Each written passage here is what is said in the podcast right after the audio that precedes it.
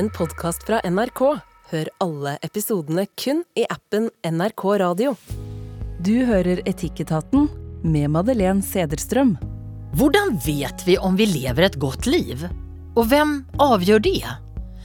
Hva med et liv som tilsynelatende består av bare kamp, men lämnar efter seg eksempel fantastisk konst eller bidrar til utvikling i verden? Hva med et liv i sus og dus for bare deg, men ødeleggende for andre?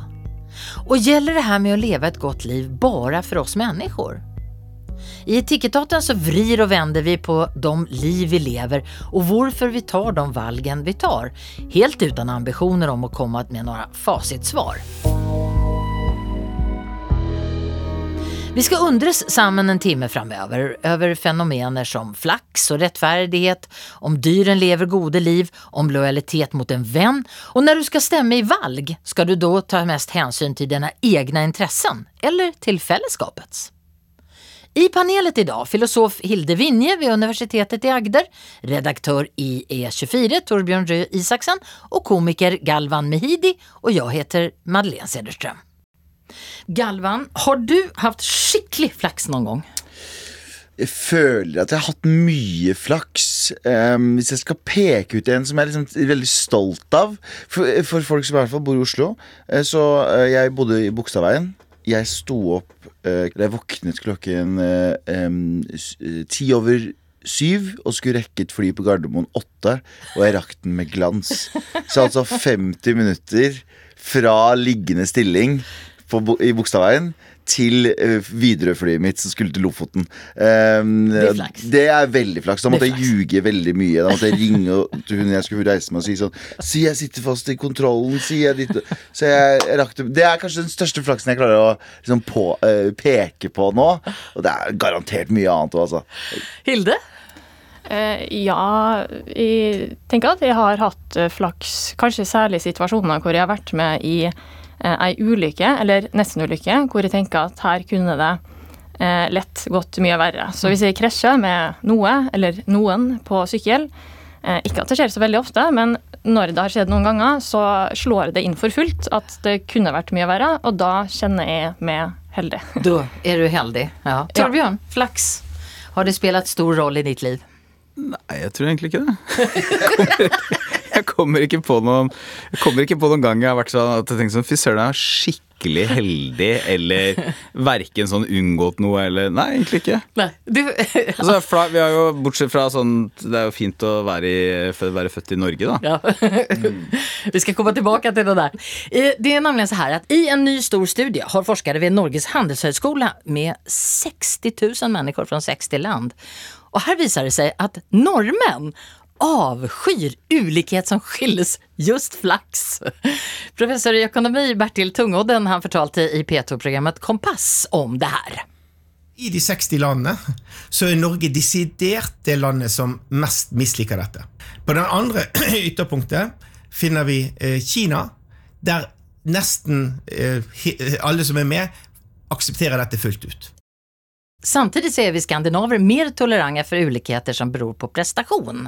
De som presterer bedre fortjener mer. Ja, det er et fellestrekk ved den del rika vestlige land, det fant de her forskerne ut.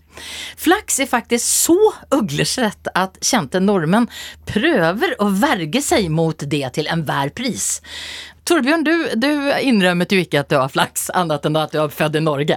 Nei, altså, men, men, det, men det er for at hvis, hvis flaks skal, skal gi noe mening, da, så må det jo være noe som er enten eh, Det må være noe som kommer helt ut av det blå, som man ikke har bidratt til selv. Altså Der er liksom Lotto er det beste eksempelet. Nå må du selvfølgelig spille lotto for å vinne i Lotto, men det er, liksom, det er bare flaks hvis du vinner. Du har ikke gjort noe for de pengene annet enn å fylle ut noen tall og sånn. Eh, Og det vi ofte ser etter, og det folk ofte vil ha, er jo en bekreftelse på hvem de er som personer og mennesker. Og hvis du sier at alt du har gjort i livet som er bra, det er bare flaks, så skjønner jeg jo at det ikke er spesielt Det er, vel- det, oppmuntrende. Det, det er litt flaut. Ja. Er det like flaut, eh, eh, Galvan, for, for deg? Eller flaks i ja. Ja, jeg er litt usikker, fordi jeg tror um, Jeg tror i Norge i hvert fall så har vi Vi har alle verktøyene tilgjengelig for oss til å liksom jobbe hardt. Og hvis du ikke gjør det, så blir du litt sett på som lat, og da skjønner jeg liksom den ekstra hederen du får. Fordi mange land, eller i de fleste land, i hvert fall i, i, litt uh, fattige land, så er det sånn uansett hvor hardt du jobber, så har du en 100% sjanse for å ikke komme deg videre. Det, sånn, nei, men det, visse eh, kaster og visse det, sånn, det spiller ingen rolle. Så hvis du har flaks, da, så hyller de det kanskje litt mer. Sånn for eksempel som de snakker om Kina. Så var det sånn, Uansett hvor mye du jobba, uansett på et tidspunkt, ehm, så, så spilte, eh, spilte det ingen rolle. Men så, så hvis du hadde flaks da, så var det sånn beundringsverdig. Da kom det jo fra Gud. Mens i Norge så har vi så mye Vi har alt.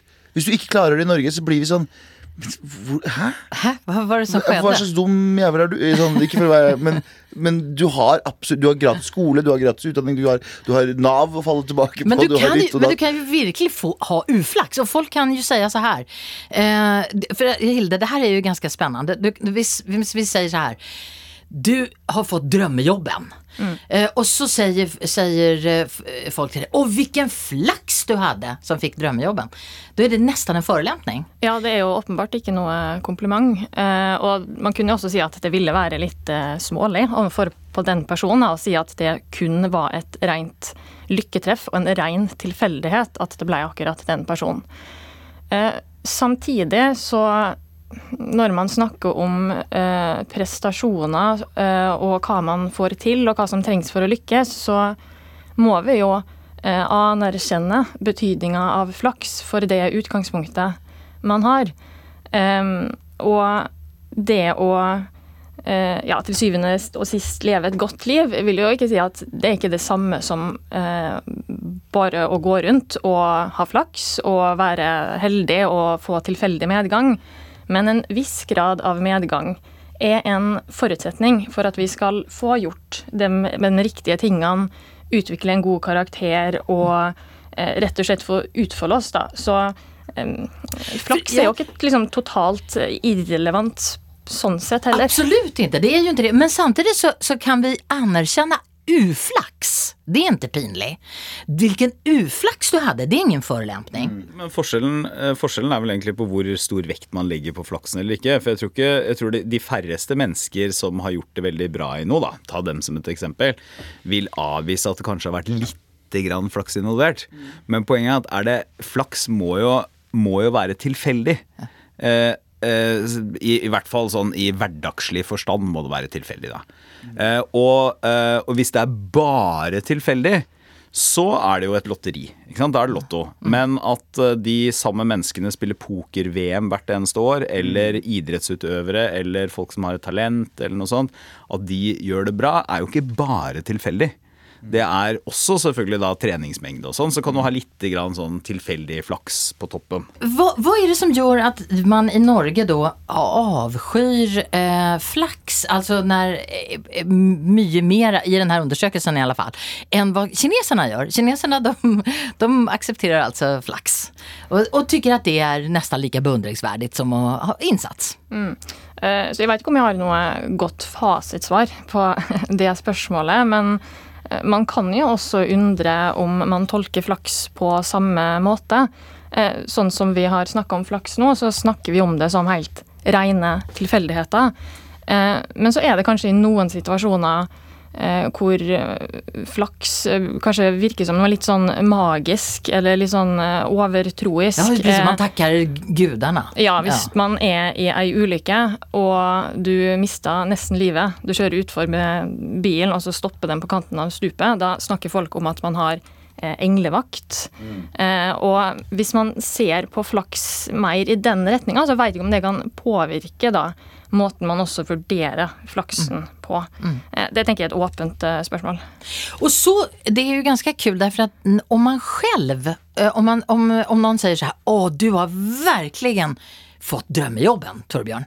Og, og så sier du Då kan du säga, ja men jag hade mycket flax också. Det kan Mm. du få lov att säga, men jag får inte lov att säga det. Men det kan jo være, men det kan være flaks. Altså Flaks vil jo knytte seg ofte til eh, tid, omstendighet. Du var, du skulle ut og kjøpe melk, og så kjørte du feil, og så møtte du den agenten fra Hollywood som gjorde deg til megastjerne. ikke sant? Det er flaks.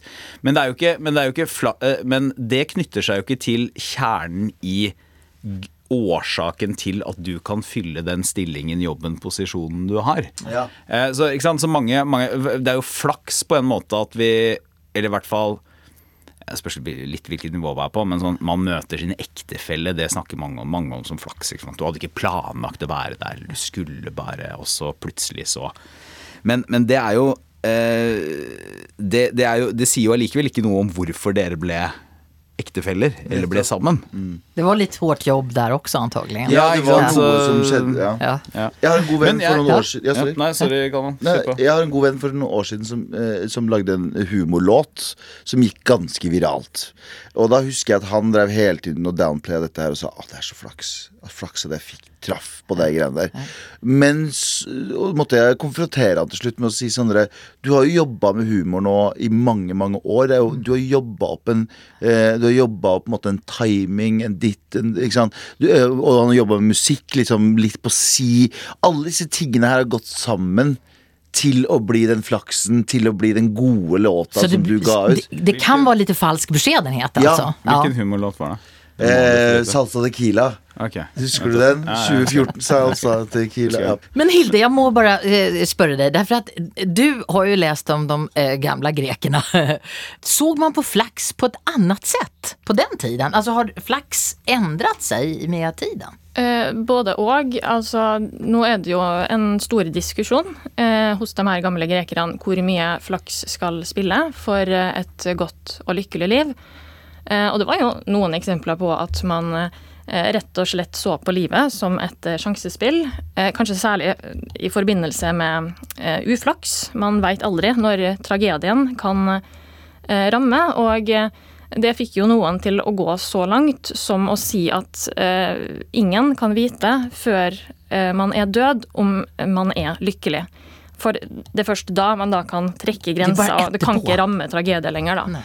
Eh, men, men det å trekke det helt eh, ut til den ene sidelinja, og på den andre sida så har man jo eh, også filosofer som legger vekt på at flaks er en forutsetning, men det er jo ikke det lykken består i. Det handler jo om å bruke sine evner og opparbeide seg en god karakter som man må få la komme til uttrykk. Og så kan man gjennom det kan man få tillegg og flaks, og da Ja, og, og da man- vil man, altså, det vil være en, eh, en misforståelse da, å gå rundt og tro at uh, lykken bare er et slags tilfeldig lykketreff. eh, for da mister man av syne de tinga som egentlig betyr noe. For ting som ja, en god karakter, eh, gode relasjoner, et fellesskap eh, hvis de tinga, ja, eller Ja. hvis de tinga virkelig skal være gode, så er det ikke kun et resultat av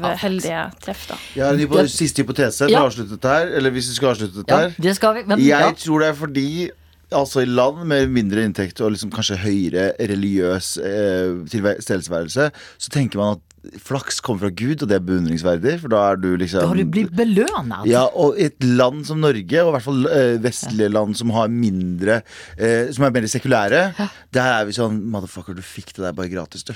Av, eh, ut av tynn luft. Og det fortjener du ikke. Ja, vilka, det som panelet i alle fall kan være overens om, om vi nå skal, övers, om vi nu ska, ska eh, med noe, det er at vi alle er fryktelig heldige som vi bor och eh, lever og er født i Norge.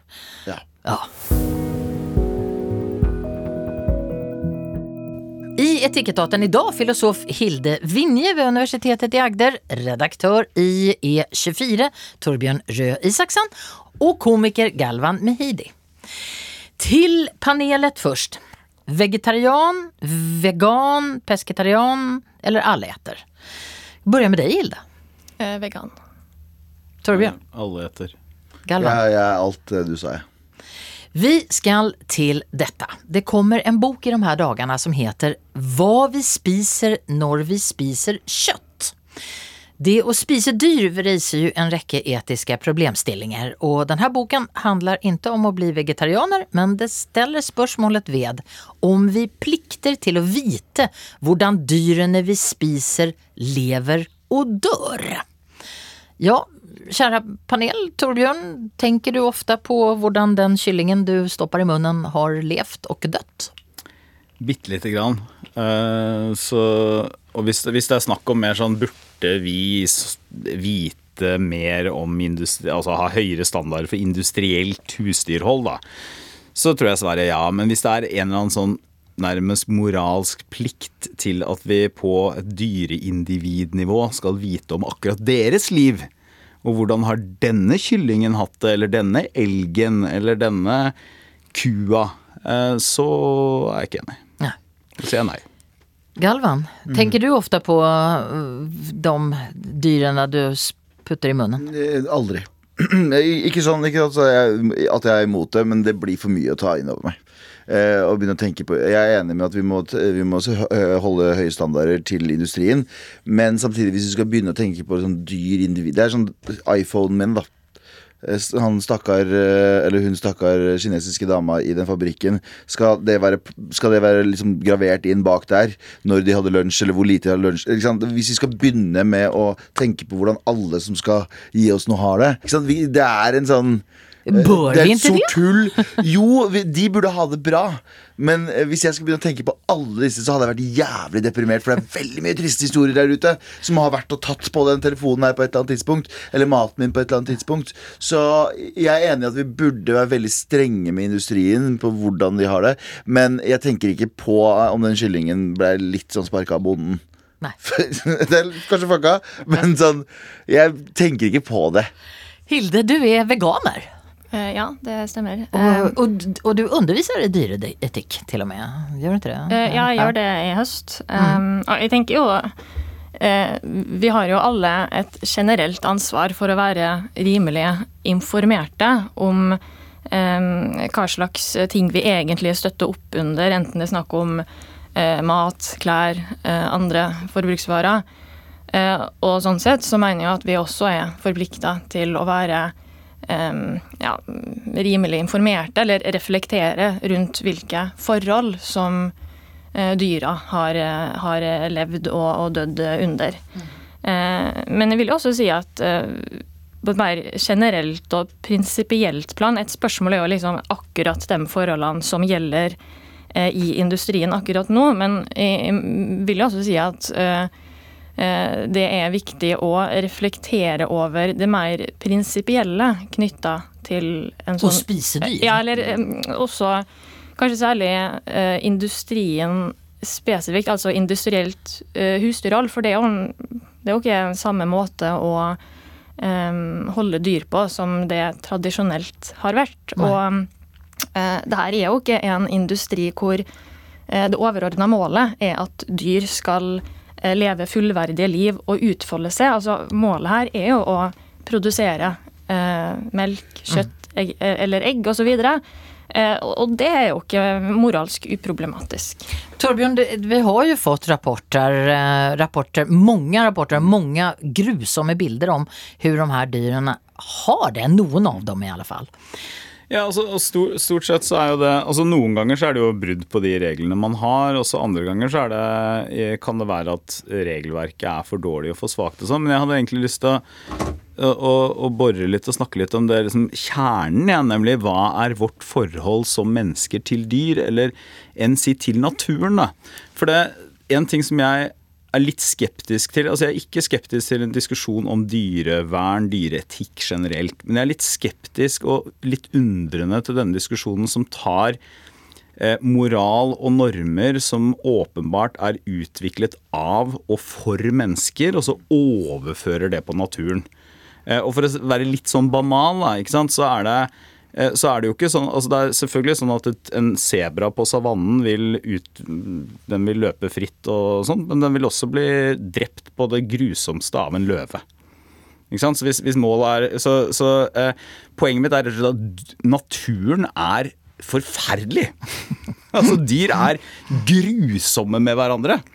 Eh, og så er, det, så er det en andre type spørsmål Men som kommer det, i men kan Nei. det gjøre kan, det- det- Gjør det at vi kan få lov å være grusomme mot sant? dem? Så, det er spørsmålet, nei, det gjør det jo ikke. Og så er industrielt husdyrhold litt annet, for da diskuterer, rammene, da diskuterer vi rammene vi mennesker har satt dyrene for. Men poenget er at det betyr at det kan umulig være det samme prinsippet for dyr som vi i hvert fall sånn humanistisk prinsipp som vi holder for mennesker, nemlig at vi har et eller annet moralsk ansvar for å avhjelpe lidelse, f.eks. Og det gjør Også vi hele vi tiden. Ja. Men det kan vi jo ikke ha uh, for dyr som sådan. Kan vi Ikke det? Kan Nei, vi- kan, vi kan jo ikke, vi kan jo ikke, vi kan jo ikke altså da, da ødelegger vi jo naturen, da.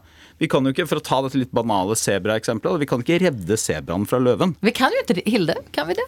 Eh, altså det finnes jo filosofer som har argumentert i den retning, men sjøl så vil jeg si å, det å trekke det eh, vel langt. Eh, men når det kommer da til menneskets forhold til dyr, som vi da spiser og eh, forbruker, så eh, vil jeg også si at det i første rekke burde ta utgangspunkt da, i denne industrien. fordi selv om man kan spise dyr som kommer fra jakt, så er jo det jo ikke det som vanligvis er eh, tilfellet når man går på butikken eller går på restaurant. Og, og det som en del av eh, kjerneproblematikken her, det er jo at man på den ene sida eh, holder jo dyr som et middel til eh, å skaffe visse matprodukter.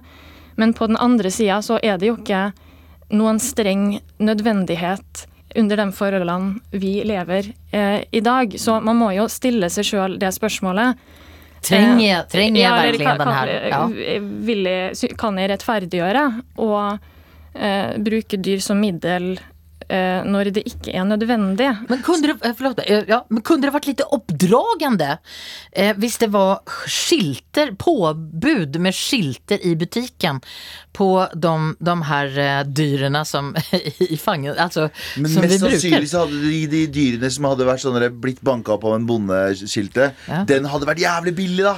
Skjønner du? Så andre, den organiske, fri Den hadde vært sykt dyr. Så alle hadde gått til den lille sånn Hadde du det? Hadde du det? Jeg sier low-key, så hadde jeg ikke sett på det skiltet. Jeg hadde sett på den billigste uh, På den billigste prislappen. Men, men, eh, men bare for å si, det Galvan sier, det, det er godt mulig, uh, men det er jo argumentet for at noen av disse tingene må vi håndtere strukturelt Ja. og ikke individuelt. Ikke sant? Ja. Det er en nøkkel her. Ikke sant? For at det er ikke Jo, uh, mennesker har et Man har et ansvar som borger, som menneske, eh, men, men det er verken praktisk eller tror jeg heller ikke sånn etisk så er det rimelig å forvente at man skal klare å styre alt dette på en individuell basis? Altså Snarere er det en privatisering egentlig av veldig viktige veganer. etiske problemstillinger. Ja, men men, men, eh, men det er jo Altså Veganer kan jo være både et livsstilsvalg eller det kan være et mer et overordnet politisk, ideologisk prinsipp. da Ikke sant? Hvor man sier at samfunnet burde strukturelt bli mer dyrevennlig. Ja. Og det er kanskje nettopp fordi at vi er mennesker som har etisk bevissthet. Så kan og må vi lage det i vår egen behandling av dyr. Men Hilde, kan vi, kan vi lage et etisk dyrehold? Eh, Jeg er usikker på akkurat det, all den tid eh, målet ikke vil være et eh, godt eh, liv eller livsutfoldelse da, for, eh, for dyret i seg sjøl. Så det, det er jo ingen eh, overraskelse, synes jeg, hver gang det kommer en sånn sjokkerende dokumentar eller nyhet om eh, dårlig dyrehold, fordi man kan oppnå målet eh, uten å ivareta dyras interesser. Så, men jeg vil også legge til at jeg tenker jo at det her primært handler om eh, vårt forhold, altså vårt menneskes forhold og omgang med dyra rundt oss, enten i husdyrhold eller i noen tilfeller i naturen. Og så er det jo en helt annen problemstilling om man skal da gripe inn i naturen og liksom begynne å regulere Ja, hvordan men- dyr men- men- eh, går opp mot hverandre. Men jeg er helt enig at det er en helt annen problemstilling, men poenget er at det berører begrunnelsen for hvorfor man eh, er opptatt av dyreetikk. Ja, men måste man er... gripe inn mot zebran og løven for å være nei, du, nei, du behøver ikke det, men for å si, for å si det litt enkelt, da, så hvis du, hvis du tar eh, ett argument for dyreetikk, det er at måten vi behandler dyr på, speiler vår egen etikk som mennesker. Det er det som er én argumentasjon. Eller at dyr har De har ikke menneskeverd eller en verdi som sådan. Nettopp derfor kan vi bruke dem. Eh, Men vi som mennesker, og de, har jo, de har jo, føler jo lidelse og sånn, vi som mennesker må allikevel ha noen etiske rammer rundt det. En helt annen innfallsvinkel er jo f.eks. for eksempel er Peter Singer er en veldig berømt filosof på dette, som sier, som sier egentlig at Nei, ok, Kanskje har de ikke samme verdi som mennesker, men de har jo, de har jo åpenbart en egenverdi. Deres lidelse Lidelse er lidelse er lidelse. Det vil si at dyrs lidelse er like mye verdt som et menneskes lidelse eh, i utgangspunktet. Mer nyansert enn som så er han da. Og det gir en helt andre implikasjoner for hvordan vi skal forholde oss til dyrehold enn det første synet. Vi skal videre. Um, eh, bara, jag ska bara fråga Galvan, Fins det noe som helst som kunne fått deg å slutte sluta spise kött? Ja, jeg har jo prøvd. Jeg tror jeg bare må ha Jeg tror jeg bare må tilrettelegges bedre. Eh, Fordi det er, Jeg føler ikke at vi har de beste Jeg har en søster som bor i USA, i, på vestkysten. og Der er det ekstremt enkelt å være vegetarianer, sånn som hun er. Eh, mens i Norge så var det eh, veldig mange år Så hvis du skulle ha en vegetariansk rett, så fikk du gratinert paprika eller et eller annet. eh, så jeg tror bare, jeg tror bare tilretteleggelsen av mer mangfold Ja, det i produkter. Det kommer. Ja. Da skal jeg tikke daten til lytterkommentarene, og det er fra Tineke Rød det kommer en kommentar fra et av de programmen som vi har hatt, der vi diskuterte det her med å være mobilfri, eller rettere sagt smarttelefonfri. Hej, skriver Tineke. Jag syns det var väldigt fint att höra diskussionen runt det att leva utan smarttelefon. Jag är en av dem som inte har smarttelefon och som prövar att stå emot presset mot att måtte skaffa mig det. Rett og slett fordi jeg syns at det er feil at jeg må tilpasse meg til alle andre på den måten med å ha en smarttelefon. Jag kräver inte att andra ska tillpassa sig mig, men jag tränger heller inte att tilpasse mig alla andra. Vänlig hilsen kommer alltså från Tina Ekerö som har skrivit in till etikettaten Krölalfa NRK NO. För övrigt kan vi fortelle at eh, NRK skal lage en tv-serie om akkurat detta. Mm, Vi skal nemlig følge Michael Stilson, som var deltaker i Etikettaten, et helt år når han lever smarttelefonfri.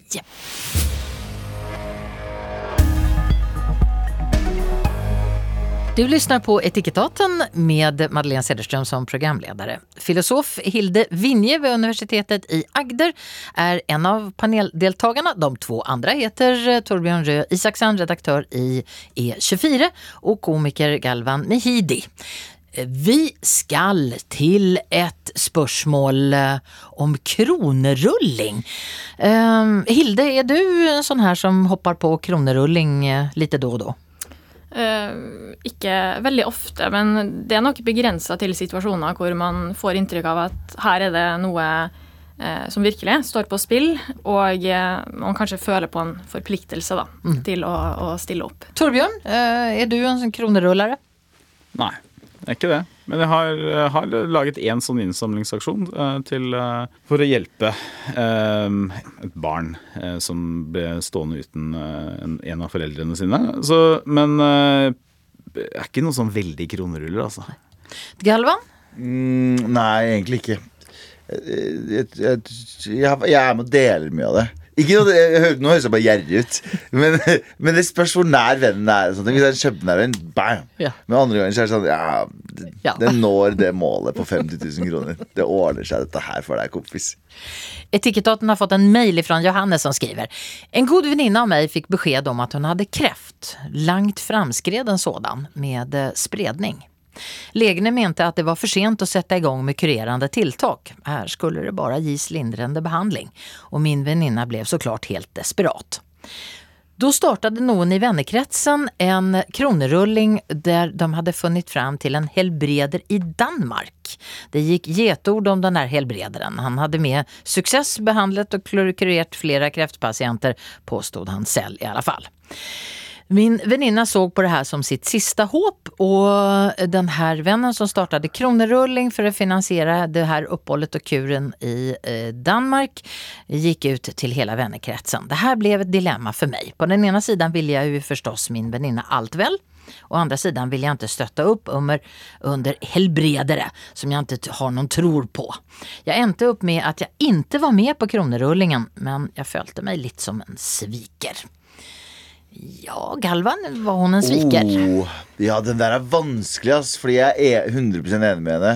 Eh, men samtidig så handler det jo om venninnas ønsker og håp. Eh, men jeg, jeg skjønner dilemmaet 100 at eh, nå sitter det en eller annen et eller annet, et annet drittsekk sorry, i Danmark og sier sånn jeg, kan, jeg har et håndkle som kan kurere kreft. Jeg trenger bare å putte det på Det koster deg 50 000. Eh, og det vil jo ikke, jeg, vil ikke jeg ha støtta i det hele tatt. Men igjen, da, hvis det er en god venninne av deg hvis, Så ville jeg jo på en måte gjort Og det her er hennes siste dager, muligens. Så ville jeg gjort veldig mye for at hun kan i hvert fall føle seg mye bedre. Men igjen, hvis hun blir dårligere og dårligere, og så skuffelsen er enda større Det er, det er jævlig vanskelig. Altså. Jeg klarer å Ja. Hilde, hadde du eh, bidragit? Jeg må innrømme at jeg er usikker, for det her er jo åpenbart et eh, klassisk dilemma. Eh, Vi har jo på den ene sida den vennskapelige forpliktelsen til å stille opp når ens nære er i en eh, vanskelig, og her kanskje også en desperat situasjon. Og på den andre sida så har vi også en forpliktelse til å ja, eh, utøve god dømmekraft og, og være ærlig da, eh, om, om hva vi egentlig eh, tror på. Men jeg tror det som gjør det her dilemmaet så vanskelig, den lille feilmarginen på, på begge sider. Hva hvis det viser seg at de norske legene ikke hadde rett likevel, og det var noe som faktisk kunne gjøres? Skal man da være med og liksom gi opp sin gode venn? Eh, og, og på den andre sida, hva, hva hvis det skulle eh, mot formodning være noe i denne behandlinga, eller at det på en eller annen måte har en ønska effekt? Eh, den tvilen gjør jo denne situasjonen mm. veldig vanskelig. Vi ville reflektert over de ulike forpliktelsene da, som er involvert også i et vennskap. Eh, åpenbart så forventer vi jo at venner skal stille opp for oss i vanskelige situasjoner. Men jeg tror også det er viktig å huske at man har jo også andre forpliktelser i et vennskap enn bare å være støttende. Kanskje man ibland måtte være litt konfronterende? Ja, eller det, Den beste vennene er jo ikke dem som bare sier 'ser bra ut, kjør på' i enhver situasjon. Eh, Det er jo folk man stoler på. Eh, At man har en kritisk holdning, og de vil da si ifra hvis man er i ferd med å gjøre noe uklokt. Torbjørn, hadde du bidragit? Ja, jeg hadde det, men jeg hadde ikke likt det. eh, rett og slett. Men, eh, og jeg, jeg syns det hadde vært mye lettere hvis det hadde vært en eller annen alternativ behandling, eller eksperimentell behandlingsform, da, er mer riktig å si. Det skjer jo av og til at man samler dem for å dra sånn Det er et cutting edge-miljø, jeg vet ikke om det funker. Mm. bla. Mens dette presenteres jo som en reell healer. Altså, da, og det vil si at det er en eller annen variant av dette helbredende håndkleet eh, som Galvan snakker om, som jeg har null tro på. Ikke bare har jeg null tro på det, jeg mener at det er i de aller fleste tilfeller også svindel. Altså, så det, det er egentlig det etiske dilemmaet på den ene siden her. altså Bidra til en person som da etter min mening gir falske forhåpninger, ikke har noe som helst fundament for at det de gjør Uten at jeg kjenner han, jeg bare si det da, sånn at eh, jeg kjenner ikke, vi vet Nei, ikke hvem det er. sånn, det. Men vi, det er det jeg legger til grunn. Men jeg ville allikevel tenkt at denne, denne forpliktelsen til eh, min venn da, ville veid tyngre. Og det er ehm, rett det, det, men det har mye med liksom døden å gjøre og sånn, så ville jeg kanskje Ville nok kanskje sagt hva jeg tenkte og mente om dette også. Mm. Uh, du- men, ja, men bidratt på, samme, på samme måte som jeg ville kjørt noen til hvis jeg hadde en venn som var med i en uh, crazy sekt og ville dit for, uh, på dødsleiet, så ville jeg kjørt vedkommende i bilen, altså. Men er våren innskriver en sviker når hun ikke bidrar? Nei, det vil jeg ikke si. Jeg vil ikke si at hun er en sviker, men jeg vil si at det, i sånne sammenhenger så ville jeg i hvert fall tenkt at de, de nære personlige forpliktelsene, altså det som gir alle disse abstrakte moralske diskusjonene kjøtt og liv og eh, substans, det er de man Det er jo de som er utspringet, da. Eh, hvis man ikke de, de teller så tungt, altså veier så tungt. Den, den relasjonen. Ja. Mm. Er, er våran innskriver en sviker, Galvan? På ingen måte. Nei. På ingen måte. Det veldig sunn skeptisisme. Um, men igjen så er det jo den der, den, det dilemmaet som skal man eh, eh, Skal man jobbe mot hat, eller ikke hatet, men den skeptisismen for healeren? Eller skal man på en måte eh, prøve å innfri disse siste ønskene? Jeg har ingen anelse hva jeg hadde gjort. Jeg hadde Hvis jeg hadde blitt pressa opp til en vegg, kanskje jeg hadde vært sånn Jeg hadde bitt tenna sammen. For det er veldig mye jeg biter tenna sammen på Obetalat. ja, nei, men sånn med familie også. Jeg har jo uh, halve familien min megareligiøs, andre halve familien min superatteister. Så vi har en liksom sånn uh, splittelse i familien. Og uh, der yes, Når mamma sier ting om religion, eksempel, så sier jeg bare enig. Jeg er bare helt enig. Jeg nikker og smiler for å for å gjøre henne glad, for jeg vet at f.eks. døden til bestemor det er tanken, eller Mammas tanke om at hun kommer til å møte bestemor en dag, gjorde det mye enklere for henne å takle. Fordi hun hadde det veldig tungt.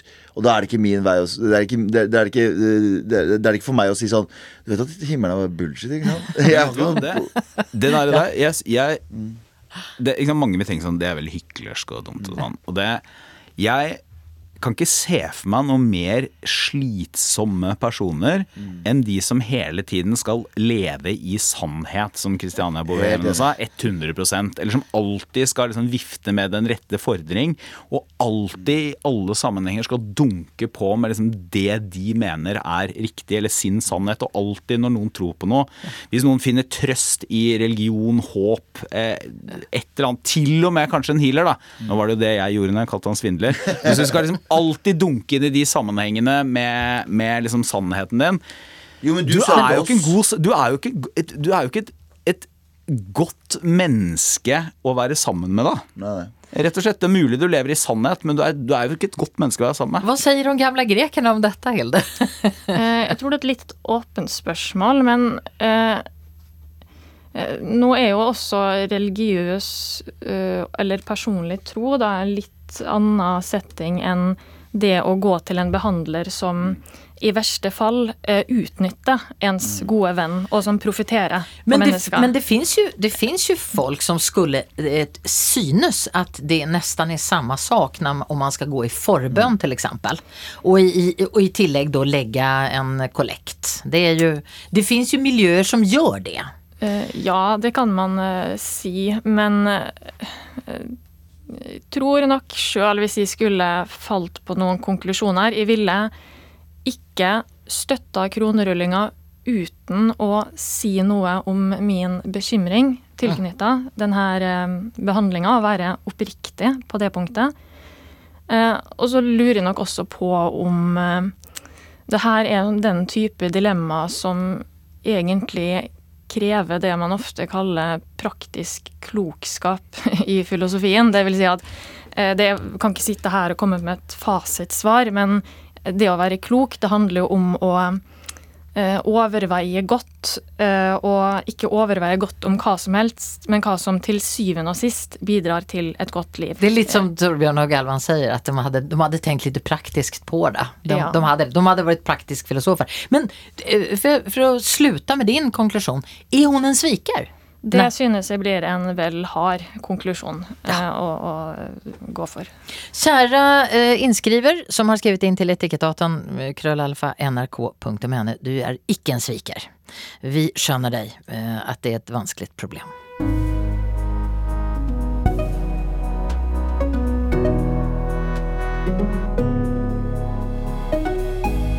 Du lyssnar alltså på Etikettaten. Detta är filosof Hilde Vinje vid universitetet i Agder, redaktör i E24 Torbjørn Røe Isaksen, komiker Galvan Mehidi och Madeleine Cederström i studio. En eh, inskriver som heter Roy skriver så här. For meg har det tidvis vært et dilemma ved valg. Skal jeg stemme på det politiske partiet som samlet sett ivaretar mine egoistiske interessen og behov best? Eller skal jeg gi min stemme til et av de politiske partiene som ivaretar folk flest sine intresser og behov?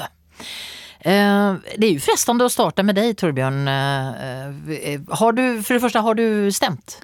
Nei. Men jeg tenkte jeg skulle gjøre det, stemme. også i kirkevalget. Jeg Ja. tenkte, ja, det er så fine plakater rundt omkring, så jeg tenkte at det må man jo gjøre. Hva er kirkevalg? Jeg.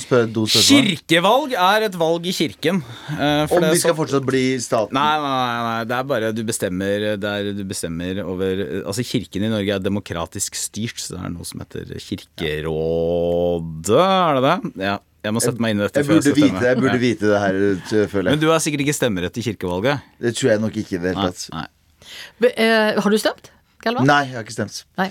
Jeg skal stemme. Du skal stemme, Jeg, jeg, jeg er en trofast stemmer, altså. Ja, ja. Eh, Men jeg liker å stemme på liksom når det er litt sånn kritisk. Fordi det forhåndsstemminga føles bare ut som tull. Jeg liker å stå i kø litt. Precis. Skjønner jeg Jeg liker den dagen. Jeg liker Den er, stasen. den er veldig fin. Ja. Er det samme sak med deg, Torbjørn? Du går dit på dagen? Ja, jeg har, nei, vet du hva, jeg har stort sett forhåndsstemt. For at Før så har jeg vært i politikken, og da har jeg b- hatt greier. Men det er finest å stemme valgdagen. Jeg Hilde, kan ikke har, det. har du stemt? Eh, ikke ennå, men jeg kommer definitivt til å gjøre det. Er, er är du også sånn at du, det er høytidelig å stemme på själva dagen. Eh, ikke nødvendigvis. Kanskje litt sånn praktiske hensyn, men eh, jeg liker å ha litt tid til å se an hvordan eh, valgkampsinnspurten blir, da. Men nu må vi gå tillbaka till Roy och hans Mm. dilemma. Känner du igen dig i det här dilemmat, eh, Galvan? 100% fordi det er jo Det er jo en sånn dissonans mellom det og hva du føler og hva du burde, type ting. Um, uh, og jeg hadde en diskusjon med en kompis om det her forleden. Sånn derre, "Faen, det, er mye Frp jeg ville ha stemt på, ass. Det er, sånn, det er gode Pepsi-priser. Sigg fra 140 til 110. Det er mye greier som for meg personlig hadde vært bra. At sigg hadde vært litt, så slipper jeg å liksom fylle sigget så dyr sigg.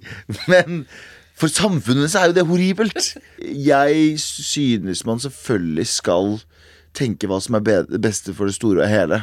Nei. Torbjørn, du eh, är jo ekspolitiker. Ja. Ja.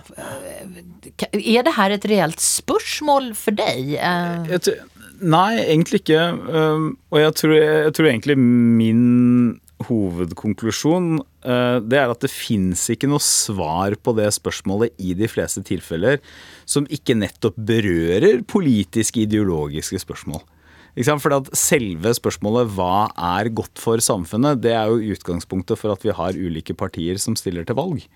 Så Det er liksom det ene ved det. Det andre ved det er at det fins ingen I et demokrati så fins det sånn strengt tatt ingen Altså Det kan finnes gode og dårlige ting sånn moralsk, men det, det fins ikke Alle grunner til å stemme teller like mye.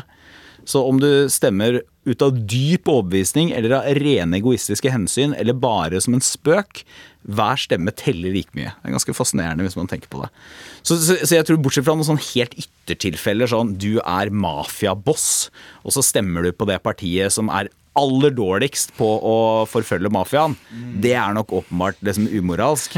Men jeg tror, bortsett fra sånne tilfeller, så tror jeg, de, så tror, tror jeg ikke det går an å svare på det spørsmålet. nej. Hilde, er det et reelt spörsmål? Jeg stiller meg nok litt eh, undrende til denne todelinga. Og jeg ville jo egentlig vært eh, nysgjerrig på å høre med denne innskriveren når vedkommende snakker om egne interesser og behov. Er det da snakk om interessene til en sjøl som et løsrevet og isolert individ, eller tar man da også i betraktning det som påvirker ens aller nærmeste? Eh, la oss si at du har eh, foreldre eh, på gamlehjem, eller du har barn som går på skolen. Er da dine egne interesser og behov kanskje også knytta til dem rundt deg? Det er det jeg liksom Ja, lurer du, litt precis. på. Er, er, är du helt løsriven ifrån resten av samfunnet? Ja, Ja, det er jo ingen som er det. Nei, så grunnen til at jeg kanskje stusser litt over denne todelinga, er jo at eh, sånn jeg ser det, så tenker jeg at eh, politikk, det handler jo om å eh, sikre at eh, folk har muligheter til å leve gode liv. Men det å leve et godt liv, det er jo noe vi gjør i et fellesskap. Eh, ingen blir jo eh, lykkelig, vil jeg påstå, eh, hvis man er mutters alene. Eh, så, så min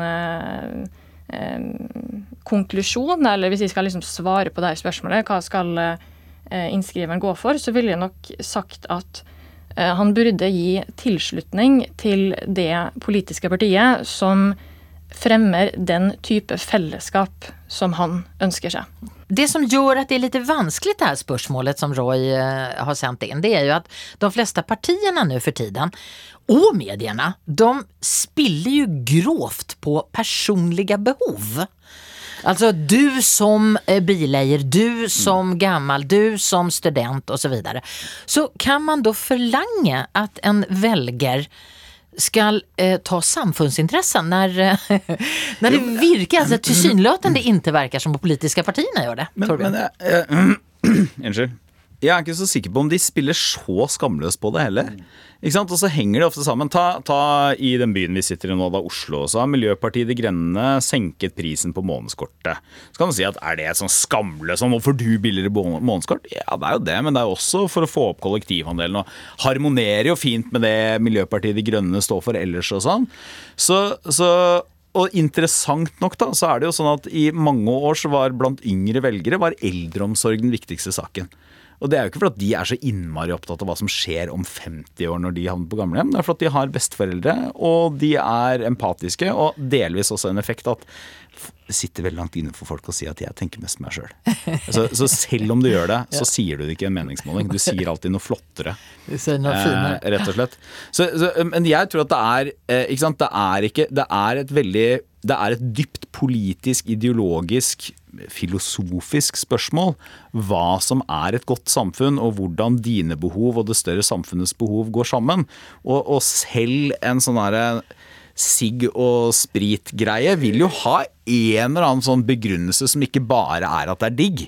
Ja, det er frihet, og det er Ja, frihet, og det er eh, høye avgifter på sigaretter rammer de som tjener minst mest. Kanskje får, du, kanskje får Norges røykere større glede av å røyke enn skadevirkningene av det. Jeg vet ikke, altså Kanskje hvis man er litt sånn utilitaristisk orientert. Gud veit. Ja.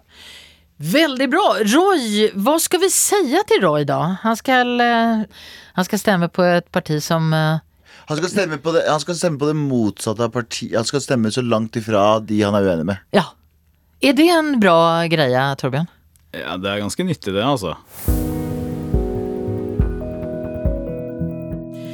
Eh, helt til slutt så har jeg veldig lyst til å ta Hildes eh, lykkeforskning. For Hilde er altså Hilde Vinje, som er filosofen. Eh, her, du har jo forsket på hva som gir et lykkelig liv. Eh, kan du fortelle litt grann, det, grunn, det som du har forsket på? Eh, Ja, det kan jeg. Lykke, det handler om å leve et liv som er godt på et helhetlig plan. Eh, Så det er ikke nødvendigvis i dette perspektivet da, snakk om lykke som oppstår i en konkret situasjon eller en følelse som frembringes, men hva som skal til for å eh, leve godt og eh, jevnt over ha et eh, bra eh, liv. Galvan, eh, for deg da? Skal jeg være helt ærlig, jeg prøver å finne ut av det nå. Ja. Jeg føler at jeg er i en sånn alder Jeg er i en sånn eh, Jeg er i emosjonell midtlivskrise. Jeg er 34 år gammel og prøver å finne ut hva, hva er det som gjør meg lykkelig. Fordi Bortsett fra de små tingene i hverdagen. Har du noe svar, eller? Nei, det, det, det, jeg, er på, jeg er på en ferd. Jeg er på en ekspedisjon om å finne ut dette her. Så jeg prøver også å finne ut hva, hva er det som på en måte er den store lykken. eh, Er det Fordi det, jeg jobber, i hvert fall det å jobbe i mediebransjen i ti år, det er jo et jag. Det er frilanse i mediebransjen. Det er jo et konstant jag. Og så føler jeg at nå i en alder av 34 begynte å lande litt på hva jeg, driver, hva jeg har lyst til å drive med. Og så føles det litt sånn tomt ut, fordi du har bare du har løpt maraton i ti år. Og så skal, du, så skal du stå rolig, så er det sånn "Hmm, Er det dette jeg løp Var det det her jeg løp for? Ja. Ja. Eh, så jeg, jeg er konstant i den derre Hva er det som også gjør meg lykkelig? Torbjørn, du som er en gammel farbror, har du noe klokt å si til Galvan? Hva er, det, hva er et lykkelig liv? Jeg, jeg, jeg tror det er når, når forpliktelse eller plikten din møter selvrealiseringen din da, og er i en viss form for harmoni. Det tror jeg.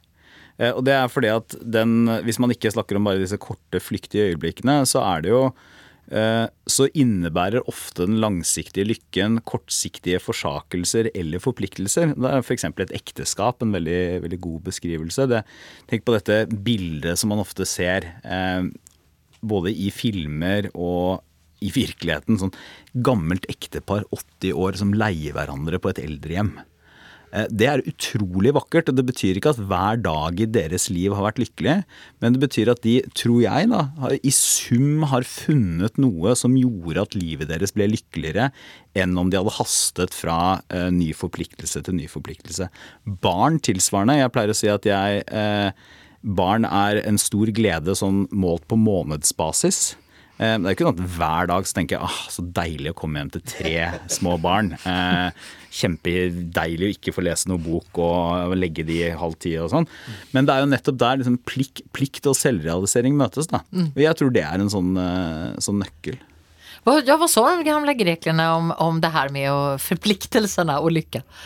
Eh, De gamle grekerne snakker jo mye om det å utvikle en god karakter og visse dyder. Eh, og at det gjør en lykkelig? Ja, at det er en tanke, f.eks. hos den greske filosofen Aristoteles, at, om at eh, eh, dersom vi skal leve lykkelige liv, så må vi eh, bruke evnene våre, virkeliggjøre det potensialet vi har, og da ikke som eh, unike eh, individer som skal selvrealisere oss på eh, veldig mm, spesielle måter, men på en måte som er allmennmenneskelig. da, At man skal utvikle dygder som eh, mot, måtehold, eh, klokskap eh, osv. Eh, så i mange av de tilfellene, selv om det ikke er eksplisitt snakk om forpliktelser, så er det jo snakk om å eh, bry seg om noe som er større enn en sjøl. Og det tenker jeg også er verdt å ta med seg videre. Hilde, hva er et lykkelig liv for dig?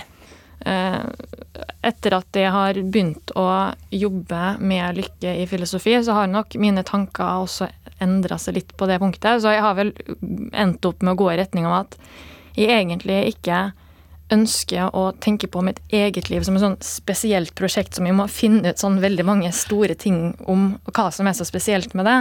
Men bare liksom sørge for at jeg grunnleggende sett føler at jeg får, jeg får i hvert fall brukt de evnene jeg har, da. Det vil jeg si er essensielt. Når du, når, du, eh, når du jobber med det og forsker på det, er det sånn at du hele tiden, hvis du begynner å føle deg lykkelig, så begynner du å analysere det, og så ødelegger du lykken. Dette høres ut som en sånn tragisk, tragisk moderne roman basert på greske tragedier. Sånn i deg selv så ligger kimen til din egen Ulykke. ulykke. Du kan aldri oppnå sann lykke. Ja, eller kanskje um, Jeg veit ikke om man blir lykkeligere av å tenke veldig mye på det hvis man bare sitter og, og grubler for seg sjøl. Fordi det essensielle her kan jo være at Eller det er jo at lykke, i alle fall i dette perspektivet, det er noe vi, vi gjør. Det er en form for virksomhet. eh, og i det så ligger det jo at eh, det er kanskje når man gjør ting, da, at man føler en viss flyt, og at det går bra.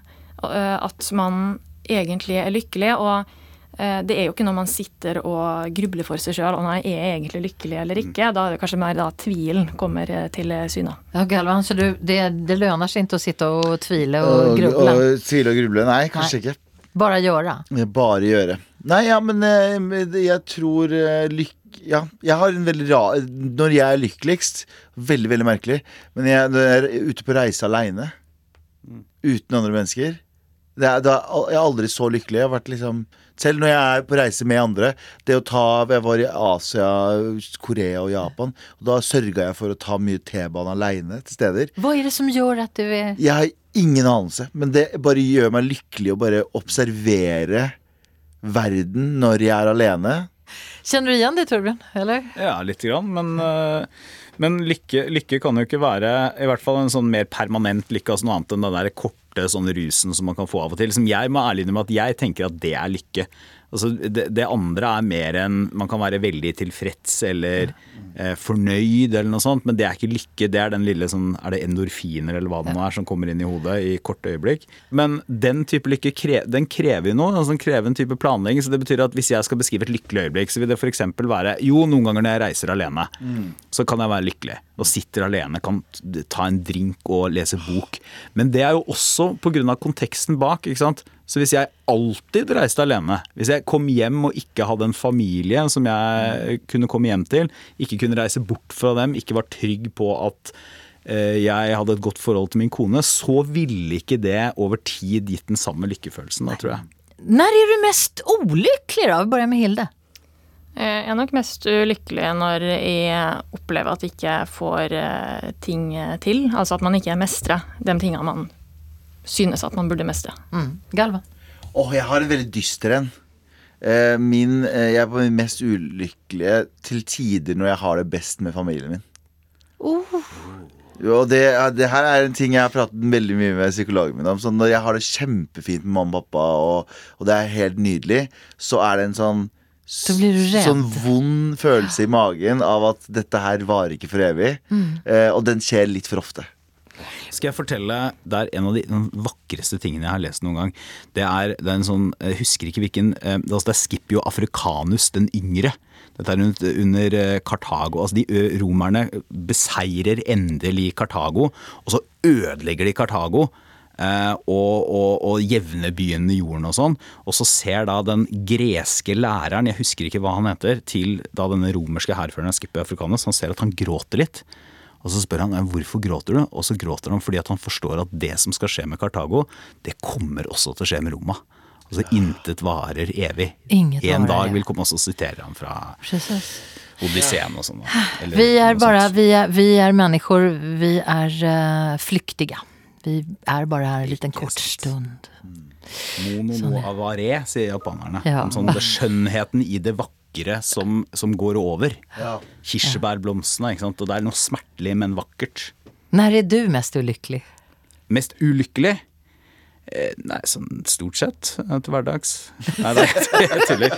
Nei, jeg, jeg, jeg vet ikke om jeg har uh, Nei, altså, jeg, jeg er mest Det er er de åpenbare tingene. Altså, sånn, hvis jeg har uh, i, For ikke så altfor lenge siden så mistet jeg en som var nær. Da ble, ble jeg jo veldig ulykkelig. Ja. Men det er ikke sikkert at ikke sant? På samme måte som lykke kan være flyktig og ulykke kan være flyktig, så er jo det vi egentlig burde bekymre oss mest for, er jo kanskje den durende utilfredsheten. At den kan være mer slitsom på sikt enn det å føle liksom sterk ulykkelighet. Tilværelsens uutholdelige letthet. Det er noe der. Ripp, där. ripp Kundera. RIP. Litt in peace. Tack så hemskt mycket för att ni var med. Takk for at du fick være med. Ja, jag är inte säker på att vi har givit dig något svar på vad som är ett gott liv eller på vad du ska stämma på i valget. Men förhoppningsvis har vi givit dig någonting att grubbla över. Och har du ett tema eller ett dilemma som du vill att vi ska bryna oss på eller kommentarer och synspunkter så skriv till etikettaten krölalfa nrk.no. I panelet idag filosof Hilde Vinje vid universitetet i Agder, redaktör i E24 Torbjørn Røe Isaksen, og komiker Galvan Mehidi. De som gör etikettaten det är Hege Strømsnes Hanne Näst Tremon och jag heter Madeleine Cederström. Du har hørt en podkast fra NRK. Hør alle episodene kun i appen NRK Radio.